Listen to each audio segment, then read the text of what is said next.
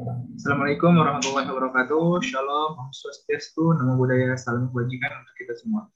Selamat pagi, siang, dan malam untuk semua pendengar di mana pun berada. Pada podcast edisi resensi publik kali ini akan membahas buku dengan judul Di Bawah Lentera Merah dengan mengangkat tema gejolak kaum buruh sebagai awal pergerakan demokrasi terhadap penyelewengan hak buruh. Di era saat ini, pergerakan para buruh yang menuntut hak-haknya semakin nyata. Mahasiswa sebagai generasi muda yang menjadi agen terdepan dalam menuntut isu-isu sosial yang tumbuh di masyarakat harus berpartisipasi dalam menyampaikan ide dan gagasan. Karya tulis yang awalnya dikerjakan oleh Sohoki untuk tugas skripsinya, kemudian diterbitkan menjadi sebuah buku. Buku ini berkisah tentang Sarekat Islam Semarang dalam masa pergerakan nasional antara tahun 1917 sampai dengan 1920. Sarekat Islam yang, yang didirikan oleh Semaun di Semarang nyatanya mampu membuat gerakan-gerakan untuk membantu rakyat kecil yang tertindas akibat lahirnya perjanjian agraria. Sikap Sarekat Islam yang berusaha untuk menegakkan keadilan membuat para pemimpinnya dipenjara oleh Belanda tanpa adanya alasan yang jelas. Selain itu, pergerakan legislatif juga melahirkan ISTV, yang awalnya didominasi oleh orang Belanda, yang mana kemudian seiring berjalannya waktu diisi oleh orang-orang Indonesia, meskipun masih dipimpin oleh orang Belanda itu sendiri. Uh, uh, oleh karena itu, untuk melanjutkan pembahasan kita mengenai buku ini agar lebih mendalam dan berdasarkan realitas saat ini, maka pada kesempatan ini kita sudah kehadiran narasumber kita, yaitu Mbak Nining Elitos selaku Ketua Umum Kongres Aliansi Serikat Buruh Indonesia. Uh, Oke Mbak Nining, uh, gimana kabarnya Mbak malam hari ini? Selamat malam, baik. Kabar semoga uh, teman-teman juga semua baik dan sehat. Oke, uh, Mbak Nining sekarang kesibukannya lagi apa ini Mbak?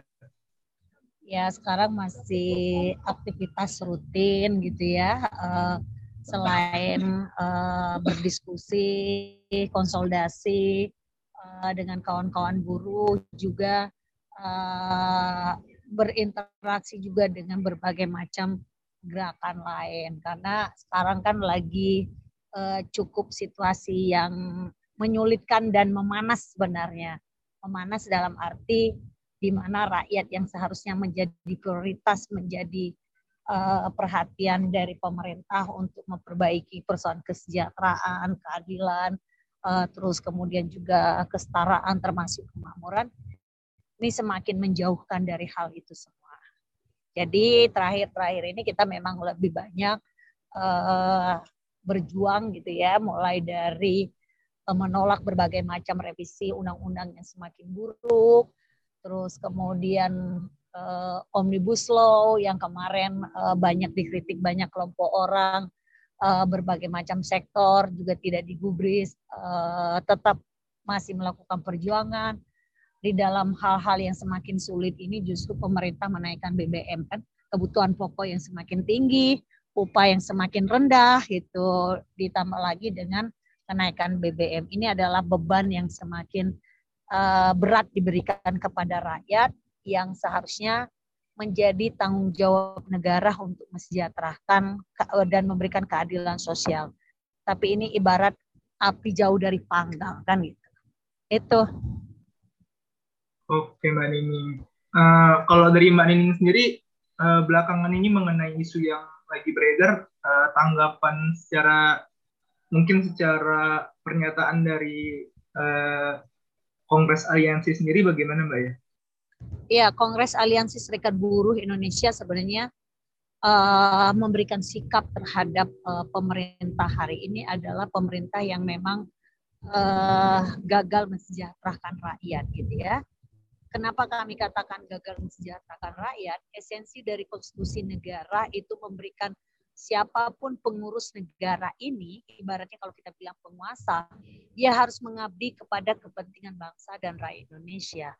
Nah, e, mengabdi dalam arti kepentingan e, bangsa dan rakyat Indonesia, bagaimana sumber daya alam itu sebesar e, sebesar besarnya untuk kemakmuran rakyat dikelola oleh negara, terus kesejahteraan rakyat melalui pekerjaan dan penghidupan yang layak, mencerdaskan anak bangsa itu seharusnya menjadi prioritas tapi rakyat diberikan bertarung uh, sendiri di dalam dunia yang liberal ini gitu ya gitu untuk mendapatkan pekerjaan yang semakin sulit, tidak ada jaminan kepastian kerja gitu ya. Tanah-tanah masyarakat adat atau tanah-tanah masyarakat yang hari ini uh, atas nama ekonomi dan pembangunan dikorbankan, kehilangan sumber kehidupan jangka panjangnya gitu.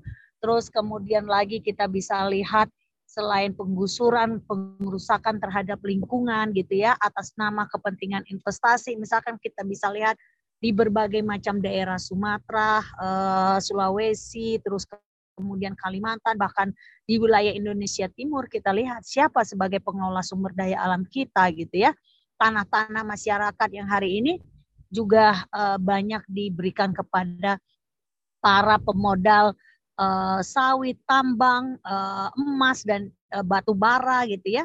Tapi rakyat adalah sebagai penonton yang seharusnya negara mengelola, melibatkan partisipasi uh, rakyat untuk menjalankannya, mengembalikan kembali hasil dari bumi itu adalah untuk memakmurkan rakyat. Tapi ini uh, kita bisa lihat rakyat yang menolak tanahnya digusur, kita bisa lihat kendeng di Jawa Tengah gitu ya, justru mereka uh, dipinggirkan. Petani-petani yang sebagai sumber bagaimana menyediakan persoalan pangan itu dipaksakan harus tergusur atas nama pembangunan ekonomi kan gitu.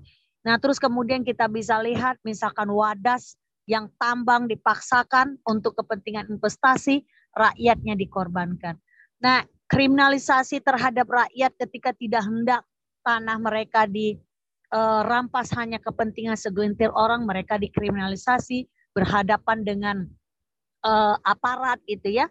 Terus kemudian belum lagi kalau kita bicara buruh, seharusnya mereka adalah menjadi bagian penting dalam pembangunan ekonomi politik bangsa gitu ya mereka dianggap orang yang uh, memberikan kontribusi, tapi mereka tidak pernah dihargai gitu ya gitu. Seharusnya ketika menganggap bahwa buruh itu menjadi penting bagian ekonomi politik sosial di bangsa ini, seharusnya menjadi prioritas adalah bagaimana memastikan mereka punya kepastian kerja, mereka memiliki pendapatan yang layak sehingga mereka tidak tergantung dengan eh, BLT subsidi gitu ya. Justru mereka adalah penyumbang uh, penghasilan untuk negara, tapi mereka selalu diabaikan. Oke Mbak Nining. Uh, tadi saya sempat sekilas dengar dari Mbak Nining sendiri dan menyebut beberapa permasalahan yang itu berkaitan dengan uh, agraria kayak wadas dan lain-lain. Kalau dari uh, tema yang kita angkat kali ini kan kita mengangkat buku Lentera Merah, yang mana itu juga banyak terkait hal-hal yang bersinggungan dengan agraria. Dari pendapat Mbak Nining sendiri, kira-kira mengenai buku ini, apa pandangannya Mbak? Ya penting gitu ya, uh, selain perjuangan-perjuangan dilakukan oleh masyarakat ini, penting untuk kita buatkan sebuah istilahnya literatur atau buku gitu ya. Jadi uh, membaca itu adalah hal yang penting.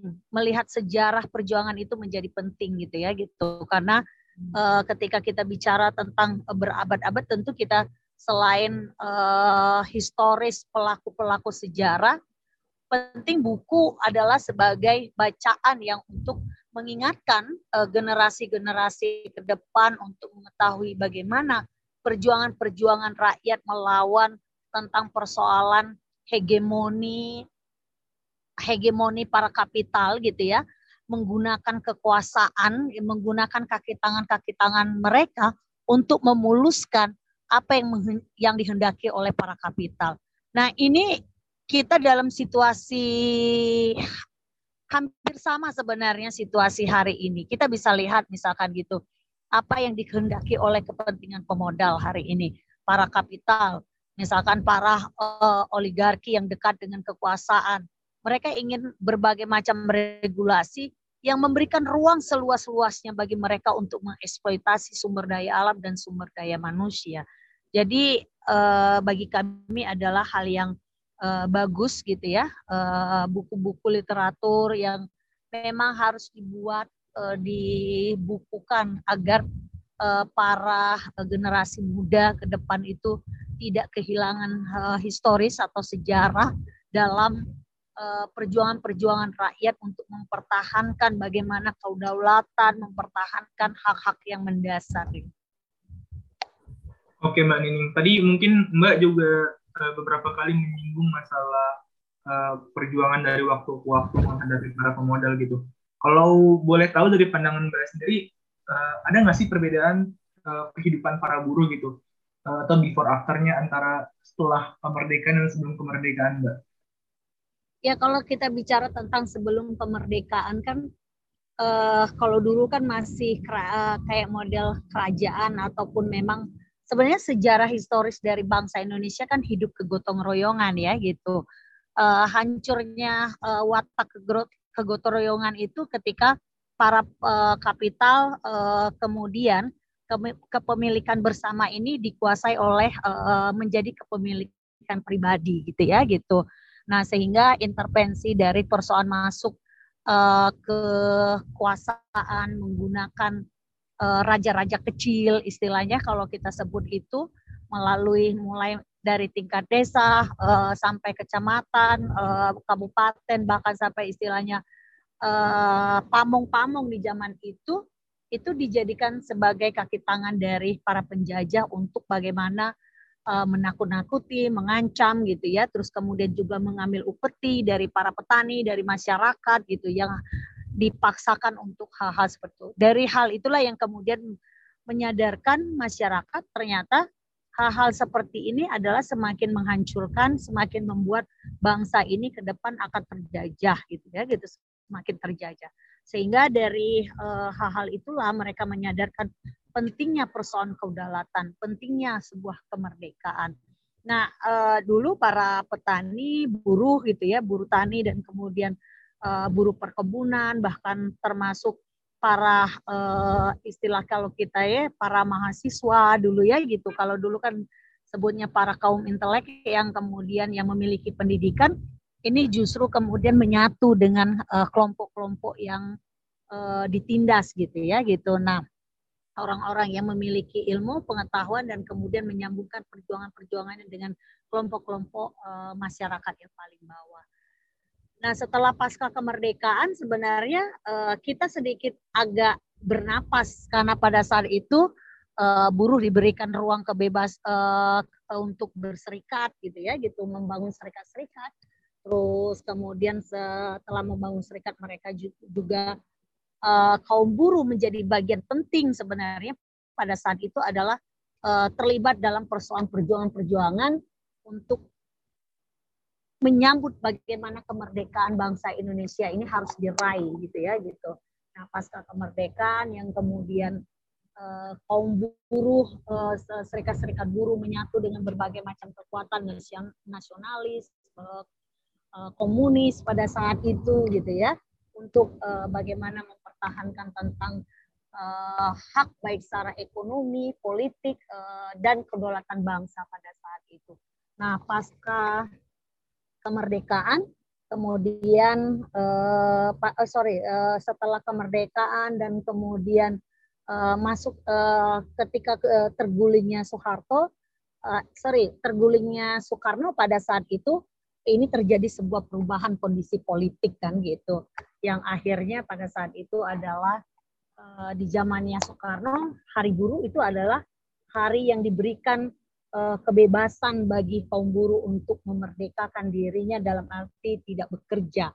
Nah, di uh, sejarah Hari Buruh itu adalah di zaman pasca kemerdekaan dalam kepemimpinannya Soekarno. Nah, termasuk perjuangan mendapatkan hak uh, tunjangan hari raya sebenarnya. Itu perjuangan yang cukup besar dilakukan oleh uh, kaum buruh di zaman itu gitu ya dan sampai hari ini kalau kita bisa baca tunjangan hari raya itu bukan sumbang uh, sumbangsi tapi perjuangan yang uh, besar juga. Nah, di rezimnya otoriter gitu ya, Soeharto berubah situasi politiknya. Uh, buruh tidak lagi boleh menggunakan kata buruh karena dianggap hal yang menakutkan. Terus kemudian serikat buruh pada saat itu yang akhirnya ada hanya boleh satu kalau kita uh, baca sejarah, SPSI pada saat itu. Nah, serikat buruh yang di zamannya Soeharto ini kan menjadi uh, ada keterlibatan keterkaitan kepentingan politik gitu ya gitu di mana dijadikan sebagai alat uh, bagi kekuasaan untuk uh, membuat kamuflase bahwa buruh itu harus orang yang uh, tidak harus apa. Ya istilah saya kalau bilang ini bahwa di zaman itu adalah dianggap or, uh, organisasi yang terlarang gitu ya di luar uh, kalau menggunakan kata buruh. Makanya kenapa ada sejarah uh, menjadi uh, karyawan. Kalau dulu kan semua disebut itu adalah buruh. Mau kerja kantoran, mau kerja di pabrik, perkebunan, tani disebutnya buruh. Tapi di rezim otoriter paradigma itu dirubah karena memang para kapital uh, menakutkan bagi kalau bagi mereka adanya serikat buruh karena dianggap uh, kolektif bergaining kekuatan serikat buruh itu ada di serikat buruh. Nah, sekarang kalau kita lihat situasinya, betul uh, buruh hari ini diberi upah gitu ya gitu. Tapi upah itu hanya cukup bagaimana uh, bisa bertahan hidup gitu loh. Setelah itu uh, buruh bertarung sendiri. Sebenarnya sejak rezim otoriter sampai hari ini sebenarnya uh, kalau kita bicara tentang kondisi kaum buruh justru semakin memburuk ya gitu. Uh, harapannya reformasi pada saat itu karena sebelum reformasi kan nggak boleh organisasi serikat buruh, hanya tunggal boleh. Selebih dari itu dianggap organisasi. Nah, pasca reformasi ada angin segar gitu, tentunya rezim otoriter, muncullah uh, undang uh, sebelum munculnya Undang-Undang 21 tahun 2000 tentang serikat buruh serikat pekerja, pasca runtuhnya rezim otoriter kan uh, lahirnya Undang-Undang 9 tahun 98 kebebasan menyampaikan pendapat di muka umum pada saat itu. Nah, dari pasca adanya Undang-Undang 9 tahun 98 itulah semakin masif buruh-buruh mengkonsolidasikan diri, membangun serikat-serikat independen karena pada saat itu serikat-serikat yang sebagai uh, organisasi yang tunggal itu adalah hanya sebatas banyaknya menjadi ya sebagai papan nama gitu ya, hanya sebagai alat segelintir orang gitu, agar uh, bahkan di perusahaan-perusahaan itu terlihat ada serikat, tapi fungsinya tidak berjalan kayak gitu kan, itu uh, banyak terjadi pada saat itu. Nah, itulah uh, uh, buah uh, kemenangan. Uh, saya sih melihat gini, ada kemenangan uh, di reformasi, gitu ya, ruang kebebasan karena di rezim otoriter kita nggak bisa bersuara, bertanya aja kita nggak bisa gitu ya gitu. Nah pasca reformasi kita bisa bersuara, kemudian lahirnya Undang-Undang 9 tahun 98, lahirnya Undang-Undang 21 tahun 2000 itu adalah uh, buah perjuangan. Nah memang hari ini kita seolah uh, uh, masih ada kalau ruang kebebasan masih ada tapi itu tidak terlihat begitu represif di rezim otoriter. Kalau di rezim otoriter berkumpul kita lima orang, sepuluh orang pasti akan didatangi gitu ya, diinterogasi, dipanggil. Kalau masih tetap terus lakukan bisa hilang kita dalam uh, di zaman itu. Nah, karena saya masih merasakan di rezim otoriter karena tahun 97 saya sudah be, uh, 96 saya sudah lulus sekolah gitu ya gitu. Uh, baik, baik, Dengan Mbak. Uh, situasi hari ini,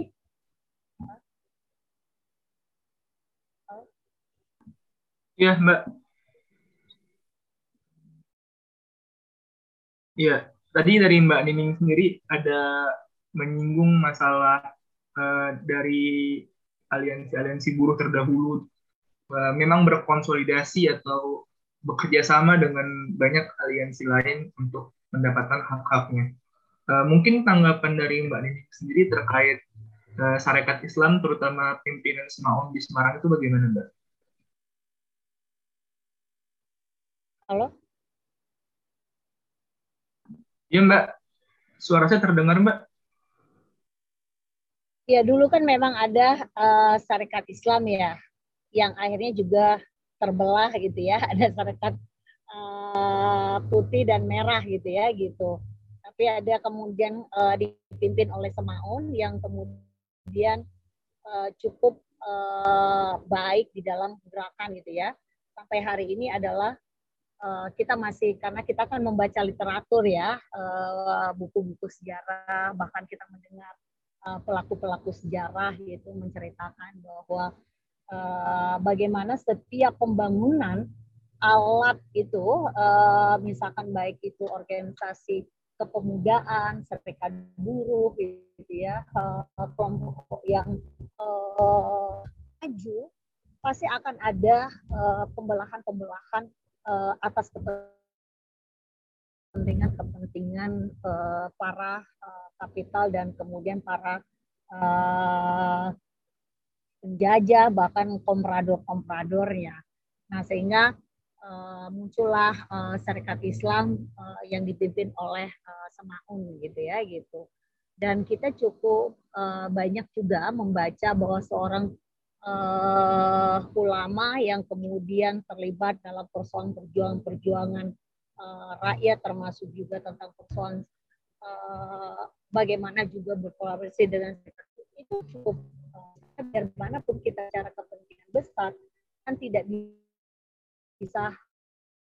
uh, sendiri apalagi dalam uh, yang lebih uh, kalau kita bicara Indonesia gitu ya uh, perjuangan itu kan tidak langsung terpusat di nasional, berangkat dari kedaerahan-daerahan kan gitu. Nah ini yang kemudian uh, cukup uh, bagus dan kemudian kita uh, sering juga kita memakai bawa literatur ataupun kemudian melihat ini adalah hal-hal yang memang uh, dia harus terkoneksi dengan uh, yang lain.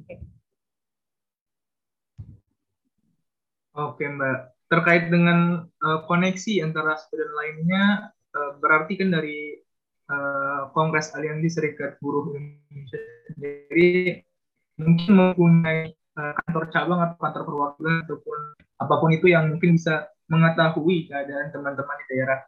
Nah, kalau dari Mbak Nining sendiri, uh, untuk saat ini mengikuti perkembangan situasi ekonomi, uh, politik, kebijakan nasional dan lain-lain, uh, kondisi teman-teman buruh baik di daerah dan di pusat itu bagaimana Mbak ya? ya kalau kita bicara kondisi sebenarnya uh, memprihatinkan ya gitu. Uh, di mana makanya saya tadi uh, itu memiliki yang tinggi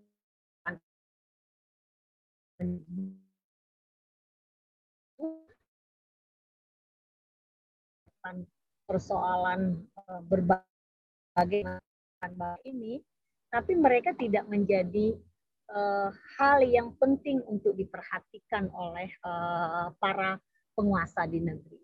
Contoh misalkan, kita bisa lihat di berbagai macam kota dan daerah. Saya ini habis pulang di bulan 2 dan 3 kemarin, saya itu roadshow ke daerah Sumatera, wilayah perkebunan-perkebunan. Nah, di mana wilayah perkebunan ini kalau dibanding dengan Pulau Jawa gitu ya, gitu uh, akses transportasi yang uh, mudah, terus kemudian uh, penerang listrik juga cukup gitu ya, ada gitu, terus kemudian sinyal yang ada gitu, terus kemudian juga bagaimana juga pendapatan yang kemudian. Tapi kalau kita lihat uh, situasi buruh di wilayah perkebunan jauh lebih miris. Kalau kita baca literatur uh, sejarah gitu ya di zaman penjajahan, dengan situasi hari ini kok tidak berubah ya gitu. Di mana keterbatasan tentang persoalan akses uh, mereka tidak pernah terlayani gitu. Apalagi kalau untuk kantor pemerintahannya yang mereka harus menjangkau tidak hanya satu jam dua jam bisa sampai lima jam gitu. Nah, padahal negara membuat ada satu uh, institusi gitu ya dinas tenaga kerja kita nggak tahu bagaimana seharusnya mereka itu kan bekerja sesuai dengan peran dan fungsinya. Bagaimana melakukan pencegahan, pembinaan, terus kemudian pengawasan, penegakan hukum. Tapi di daerah-daerah itu perbudakan perbudakan terhadap manusia di atas manusia itu nyata ada gitu loh. Tempat tinggal yang mungkin kalau kita bicara bahasa yang agak agak apa ya saya bilang nggak kurang pas gitu ya mungkin lebih layak tempat kandang hewan kita dibanding dengan buruh yang harus ditaruh di tempat tinggalnya itu. Belum lagi mereka tidak tersedia dengan air bersih, tidak ada penerang gitu ya. pendidikan yang memang uh, banyak anak-anak uh, buruh perkebunan itu tidak bisa mengenyam pendidikan. Begitu juga di wilayah masyarakat adat gitu misalnya. Uh, di sisi lain tanah mereka tergusur, terampas gitu ya. Mereka cukup terting tertinggal dalam persoalan pendidikan. Seharusnya kan tugas negara bagaimana mencerdaskan, memberikan tanggung jawab ini agar eh, anak-anak di pulau-pulau, anak-anak di ujung pelosok ini tidak uh, ketertinggalan tentang persoalan pendidikan tapi itu kan tidak menjadi prioritas. Nah ini yang kemudian saya uh, kalau kita kemudian merasakan dan uh, pernah menjalankan hal itu, kalau saya baca di zaman sebelum penjajahan gitu dengan cerita dari para pelaku sejarah, justru saya miris di saat kita sudah merdekakan bangsa kita, tapi banyak manusia-manusia hari ini tidak bisa menikmati kemerdekaan karena perbudakan, perampasan gitu ya gitu terus kemudian pembiaran terhadap rakyat-rakyat itu semakin terjadi hari ini. Seharusnya para pelaksana negara ini melahirkan uh, regulasi atau kebijakan itu kan untuk melindungi. Karena kalau uh, syarat dari untuk undang-undang di bawah undang-undang konstitusi itu kan seharusnya dia tidak boleh melanggar undang-undang uh, dasar gitu ya gitu konstitusi negara. Konstitusi negara itu memberikan mandat cukup jelas bagaimana pendidikan kesejahteraan kesehatan kemakmuran keadilan itu diberikan untuk seluruh tanpa terkecuali. Tapi faktanya hari ini keadilan itu untuk siapa? Orang-orang kecil ketika bermasalah dengan hukum pasti akan bisa dipenjara bahkan uh, bisa masuk penjara gitu. Orang maling kakao satu biji hanya untuk mempertahankan perut bisa dipenjara. Tapi para koruptor gitu ya, nggak pernah itu mereka bisa bisa jadi bisa jalan-jalan ke luar negeri. Tempat apa penjara mereka bisa istimewa. Rakyat kecil bisa untuk berselonjor kaki pun sulit gitu ya gitu. Nah ini yang kita lihat adalah ketidakadilan itu sebenarnya bukan rahasia umum lagi gitu. dan itu kita alami. Terus kemudian tugas negara bagaimana melindungi mensejahterakan prakteknya berbagai macam regulasi kita selalu mendengar para pelaksana negara ini selalu bilang untuk menarik investasi dan demi kepentingan investasi. Tidak pernah bicara tentang membangun itu adalah untuk persoalan rakyat, persoalan pendidikan rakyat. Kita bisa lihat misalkan pendidikan, komersialisasi pendidikan, terus kemudian perbudakan di untuk kaum muda yang disebut dengan uh, kampus merdeka yang para uh, mahasiswa diberikan untuk magang dan hanya diberikan uang saku berdasarkan kemampuan perusahaan. Kalau berdasarkan kemampuan perusahaan kita tahu berapa persen sih uh, para pengusaha yang patuh terhadap hukum gitu ya gitu. Nah, ini selalu dijadikan ruang pemanfaatan yang dilakukan oleh para kapital. Kenapa? Sebagai kaki tangan melahir kaki tangannya melahirkan regulasi-regulasi itu adalah para penguasa. Baik itu di legislatif maupun di eksekutif.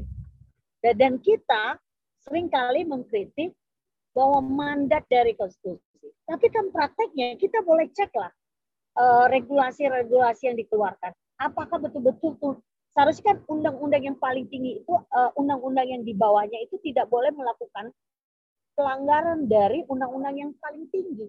Tapi prakteknya undang-undang yang dibuat baik itu undang-undang KPK, undang-undang RKUHP yang mau direvisi hari ini, undang-undang P3 gitu ya, terus kemudian uh, Omnibus Law undang-undang Cipta Kerja, kita bisa lihat revisinya itu untuk lebih kepada perbaikan untuk persoalan perlindungan, peningkatan kesejahteraan, akan sebaliknya.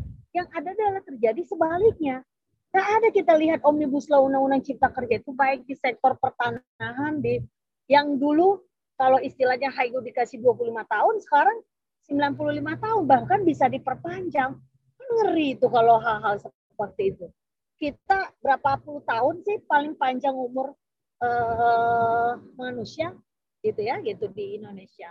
Nah, terus kemudian kalau diburu, kita boleh cek tentang persoalan. Sekarang tidak ada namanya jaminan kepastian kerja. nggak ada namanya bagaimana meningkatkan pendapatan hidup yang layak. Yang ada diberikan liberalisasi. Nah, ini kita melihatnya kok jadi pemimpin-pemimpin bangsa ini sekarang, para penguasa-penguasa ini, kok kemudian terjadi seperti zaman-zaman uh, itu gitu loh, zaman-zaman masih dalam persoalan penjajahan. Buruh hidup di kota-kota Jawa Tengah gitu misalkan kita bisa lihat berapa upah kalau kita mau bicara tentang kan pemerintah ini sering kali bilang pertumbuhan ekonomi itu adalah berangkat dari konsumsi masyarakat. Kalau kita logikanya konsumsi masyarakat berarti persoalan daya beli kan gitu. Nah bagaimana mungkin kita mampu menyamai negara-negara Eropa gitu untuk persoalan daya belinya kalau buruhnya ditekan upah serendah-rendahnya. Yang akhirnya apa menjadi persoalan? Terjadi persoalan kemiskinan, terjadi ke orang ketidakmampuan. Akhirnya apa uh, tugas negara? Bagaimana mencari uang atau kemudian mengakali untuk persoalan subsidi. Adapun subsidi itu pun kita tahu bukan rahasia umum lagi. Subsidi itu sudah banyak. Kalau ibarat air seember, tes tes tes belum sampai di tempat bisa jadi seperempatnya. Bahkan bisa habis kan kayak gitu. Misalkan kita bisa lihat uh, terdekat dalam perusahaan ketika uh, masalah uh, covid. Bantuan sosial aja bisa dikorupsi gitu loh. Kalau kita bisa berkaca sebelumnya misalkan tentang persoalan Kementerian Agama yang belajar tentang persoalan moral, akhlak, etika terjadi kok persoalan korupsi di sana kan gitu. Nah ini yang kemudian eh, persoalan besarnya tidak pernah dicarikan penyelesaiannya. Persoalan penegakan hukumnya hanya untuk orang-orang yang berpunya, tapi rakyat-rakyat kecil terus menjadi uh, korban. BBM, terang pemerintah cukup memberikan alasan yang tidak konsisten. Awal-awal bicara anggaran negara kita bisa lihat dalam kebijakan pemerintah terakhir gitu ya gitu persoalan BBM. Nah, sedangkan masyarakat di masa uh, COVID dua tahun kemarin uh, kita berhadapan dulu dua hal krisis besar. Apakah bentuk penyelewengan hak masyarakat Indonesia, khususnya hak buruh, masih kian terjadi di Indonesia? Dan apakah ada tindakan yang dilakukan oleh pemerintah dalam melindungi hak-hak buruh tersebut? Ya, kalau bicara tentang persoalan pelanggaran hak masih sangat masif terjadi gitu ya gitu. Baik itu hak-hak yang uh, normatif artinya yang sudah diatur dalam undang-undang maupun bicara tentang persoalan uh, hak dasar gitu ya. Hak dasar misalkan kayak model uh, kebebasan berserikat, terus kemudian kemanusiaan, yang kemudian bagaimana hak kesehatan reproduksi itu masih sangat banyak terjadi pelanggaran. Nah, problemnya adalah uh, kenapa uh, terjadi pelanggaran? Karena memang uh, sangat minim melakukan pencegahan gitu ya, pengawasan dan penegakan hukumnya. Kalaupun ada hal-hal berkaitan dengan persoalan pengaduan ataupun misalkan dilakukan upaya-upaya bagaimana dilakukan agar uh, melakukan pencegahan penegakan hukum masih sangat lemah. Nah, belum lagi walaupun kadang-kadang di dalam aturan regulasinya undang-undang itu juga masih belum begitu maksimal kalau bicara tentang persoalan jauhlah dari maksimal gitu ya tentang persoalan misalkan tentang hak contoh hak kesehatan reproduksi. Kalau dulu di undang-undang sebelum undang-undang 13 cuti haid hari pertama dan hari kedua itu wajib diberikan kepada pekerja yang mendapatkan menstruasi atau haid. Tapi di Undang-Undang 13, jika sakit hari pertama dan kedua, eh, diperbolehkan buruh eh, tidak bekerja. Tapi prakteknya implementasi itu ini masih eh, kabur gitu ya. Kabur kenapa? Di sisi lain memang kejelasan hukum yang memang masih lemah. Kedua, persoalan bagaimana menginterpretasi tentang persoalan hukum yang dibuat ini menjadi problem karena kenapa ketika pengaduan-pengaduan ini sering kali diabaikan kayak gitu. Nah, apalagi bicara tentang hak yang mendasar tentang upah. Upah itu kan hak yang nggak bisa ditawar-tawar. Prakteknya masih banyak perusahaan yang melakukan pembayaran upah buruh di di bawah aturan upah minimum. Nah, itu itu masih banyak terjadi. Kalaupun kemudian ada hak buruh untuk mendapatkan upah yang layak, memang konstitusi negara sangat cukup bagus. Di Undang-Undang 13 itu juga diatur tentang bagaimana pencapaian hidup layak. Tapi di sisi lain gitu ya, eh, aturan hukum yang dibuat itu aturannya kan uh, justru memperbaiki uh, hukum yang lemah. Tapi prakteknya omnibus law undang-undang cipta kerja justru semakin mendegradasikan itu. Uh, pertama tentang hak kepastian kerja bahwa di konstitusi negara menjamin negara menjamin pekerjaan dan penghidupan yang layak bagi kemanusiaan. Prakteknya sekarang justru liberalisasi orang tidak lagi punya jaminan kepastian kerja, karena sistem kerja kontrak, alih daya, borongan berdasarkan hasil gitu ya gitu terus termasuk juga bicara upah. Yang hari ini upah tidak lagi bicara tentang persoalan uh, pendapatan yang layak, tapi upah itu ditentukan berdasarkan inflasi atau pertumbuhan ekonomi. Nah, kita melihatnya ada konsepsi yang kemudian sangat keliru yang dibuatkan oleh uh, negara gitu ya melalui berbagai macam regulasi turunan dari konstitusi diinterpretasi atas nama kepentingan investasi atau kepentingan para pemodal sehingga mengabaikan hak-hak yang dasar yang harus didapatkan itu semakin menjauhkan hal itu. Oke Mbak Nining. Uh, mungkin tadi Mbak Nining juga beberapa kali udah menyinggung terkait dengan hak-hak buruh uh, ada beberapa pertanyaan terkait dari teman-teman di KBMFK terkait itu. Uh, salah satunya adalah menurut Banding sendiri, uh, bagaimana supaya membangun kesadaran uh, tentang hak-hak buruh tersebut kepada buruh itu sendiri, Mbak? Ya, itulah pentingnya kenapa buruh harus berserikat gitu ya, gitu. Nah, ketika buruh berserikat itu menjadi kewajiban bagi uh, para serikat buruh untuk memberikan edukasi gitu ya kepada para pekerjanya agar mereka mem, uh, memiliki persoalan pengetahuan.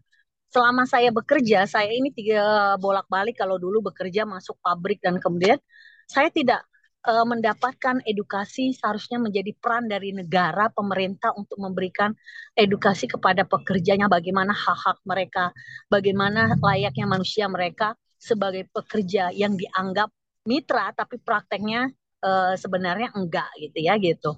Nah, sering kali bicara tentang persoalan hubungan industrial yang Pancasila gitu ya. Kalau kita bicara Pancasila berarti ada di dalamnya persoalan keadilan sosial. Nah, itu juga uh, jauh dari hal itu.